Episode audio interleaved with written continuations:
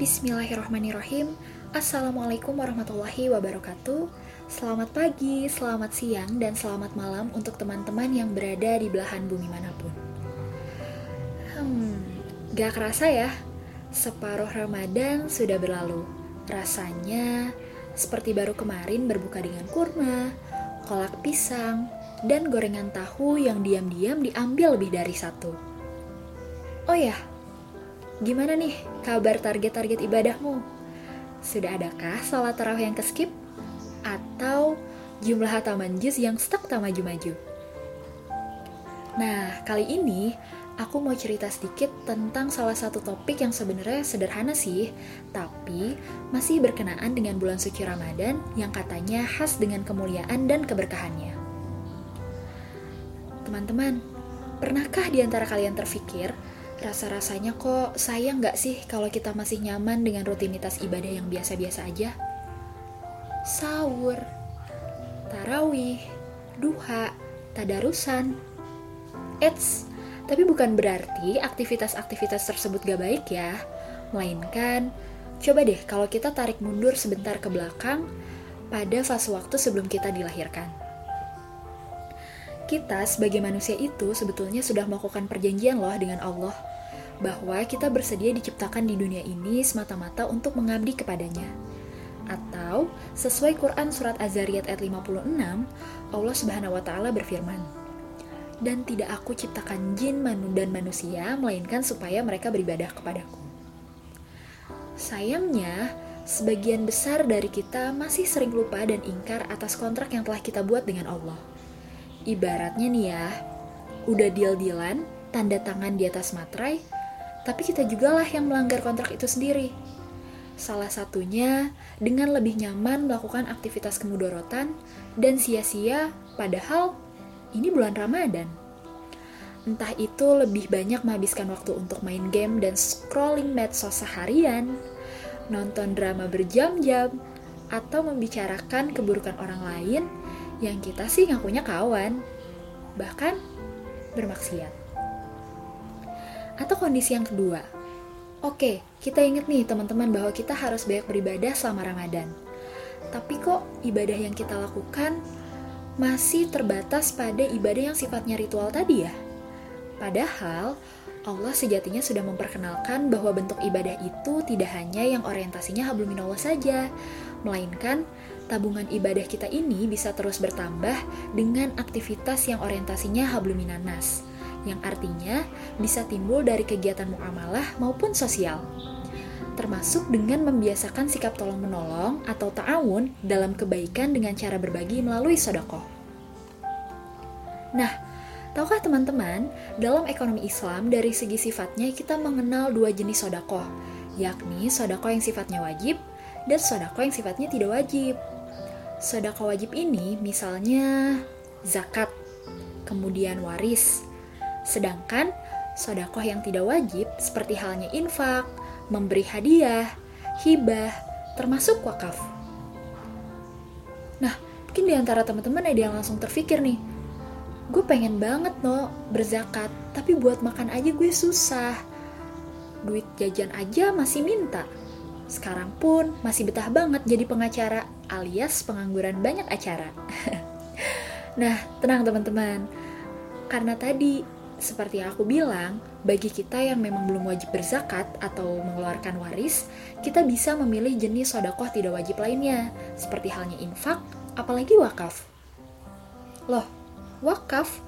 Gimana bisa? Duit makan aja tadi nggak punya, apalagi tanah buat diwakafin. Eits, tahan dulu. Inilah memang pemahaman yang masih melilit di pikiran masyarakat kebanyakan. Bahwa mayoritas dari kita baru mengindahkan bahwa harta yang bisa diwakafkan itu hanyalah tanah, dan mengira bahwa peruntukannya pun hanya terbatas untuk kepentingan keagamaan. Seperti pembangunan masjid, musola, dan kuburan.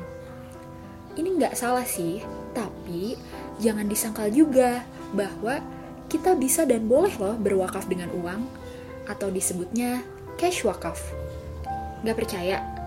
Coba deh, nanti teman-teman cek Undang-Undang Nomor 41 Tahun 2004. Terlebih lagi, berbeda halnya dengan zakat, dalam wakaf kita tidak dipersyaratkan untuk mencapai nisab dan haul terlebih dahulu. Oleh karenanya, meskipun dengan harta yang mungkin saat ini masih terbatas, kita sudah tetap bisa berbagi dengan berwakaf bahkan mulai dari nominal Rp10.000 saja. Apalagi nih ya teman-teman, berkenaan dengan momentum Ramadan yang cukup extraordinary saat ini, yakni bersamaan dengan wabah COVID-19, teman-teman bahkan bisa lebih banyak menemukan kampanye-kampanye yang menyerukan wakaf untuk memitigasi dampak wabah ini. Salah satunya ialah wakaf uang untuk ventilator. Nah, mungkin di antara teman-teman ada yang sudah pernah baca broadcastannya lah ya. Entah di grup WhatsApp keluarga, atau mungkin di instastory si doi. Apaan sih no? Oke, okay. ya udah kapan-kapan kita bahas lebih lanjut ya terkait zakat dan juga wakaf ini. Karena intinya, pada podcast perdana ini, aku hanya ingin sekedar mengingatkan teman-teman dan tentu sebagai nasihat bagi diri sendiri bahwa melatih berbagi merupakan habit yang penting dimiliki oleh seorang muslim sejati.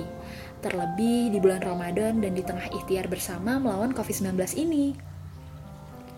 Mudah-mudahan ibadah ini bisa menambah tabungan amal kita di sisi Allah termasuk membantu kita untuk bisa lebih mudah menjawab ketika di fase kehidupan berikutnya barangkali ditanya, apa kebaikan dan kontribusi yang telah kamu lakukan pada Ramadan 1441 Hijriah yang bertepatan dengan atmosfer bersama melawan COVID-19? Ayo, kira-kira kalian akan jawab apa? Oh ya, aku ada satu cerita lagi nih, masih tentang berbagi pada salah satu online platform social crowdfunding alias kitabisa.com. Jadi, aku tuh senang banget bacain komentar maupun pesan para donatur di halaman kampanye melawan COVID-19. Nah, satu waktu, aku menemukan dua pesan yang sebetulnya sangat sederhana, tapi sukses membuatku terharu sekaligus tertampar. Begini bunyinya. Maaf, saya tidak bisa sumbang banyak. Saya hanya ibu rumah tangga biasa, dan suami saya juga kehilangan pekerjaannya karena corona. Tapi semoga yang sedikit ini bisa bermanfaat, dan mari berdoa semoga corona cepat pergi. Amin, katanya. Lalu, ada satu lagi nih. Pengennya sih ngasih banyak, tapi saya belum mampu karena saya masih kelas 6 SD. Semoga membantu ya. Nah, kalau pesan yang kedua ini jadi dari anak kelas 6 SD yang kebetulan berdonasi sebesar 15 ribu. Masya Allah banget ya, semangat mereka untuk terus melatih berbagi. Bahkan, tidak peduli di kondisi lapang maupun sempit, mereka tetap percaya bahwa bernilai pahala atau tidaknya perkara berbagi yang dilakukan bukanlah terletak pada besar atau kecilnya nominal yang kita beri. Dan sebenarnya kita tidak pernah benar-benar tahu juga kan 15 ribu mungkin bagi sebagian kita tidak berarti banyak. Tapi untuk anak kelas 6 SD, 15 ribu ini bisa jadi uang yang betul-betul sudah berhari-hari ditabungnya. Bahkan dari hasil menyisikan uang jajan yang mungkin juga tidak seberapa besarnya.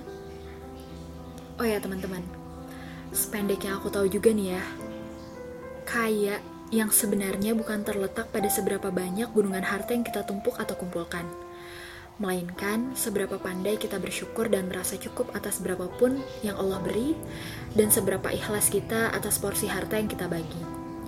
Jadi, bersedekahlah di sisa hari-hari terakhir Ramadan ini dan lakukanlah dari hati.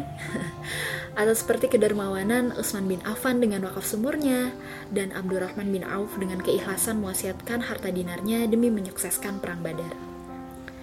Karena sesungguhnya bersedekah adalah perniagaan yang tidak pernah rugi. Justru sebaliknya, dalam Al-Baqarah ayat 261, Allah telah menjanjikan pahala bagi siapa saja yang membelanjakan hartanya di jalan Allah tanpa ragu di hati. Jadi, ya memang semudah itulah melatih berbagi.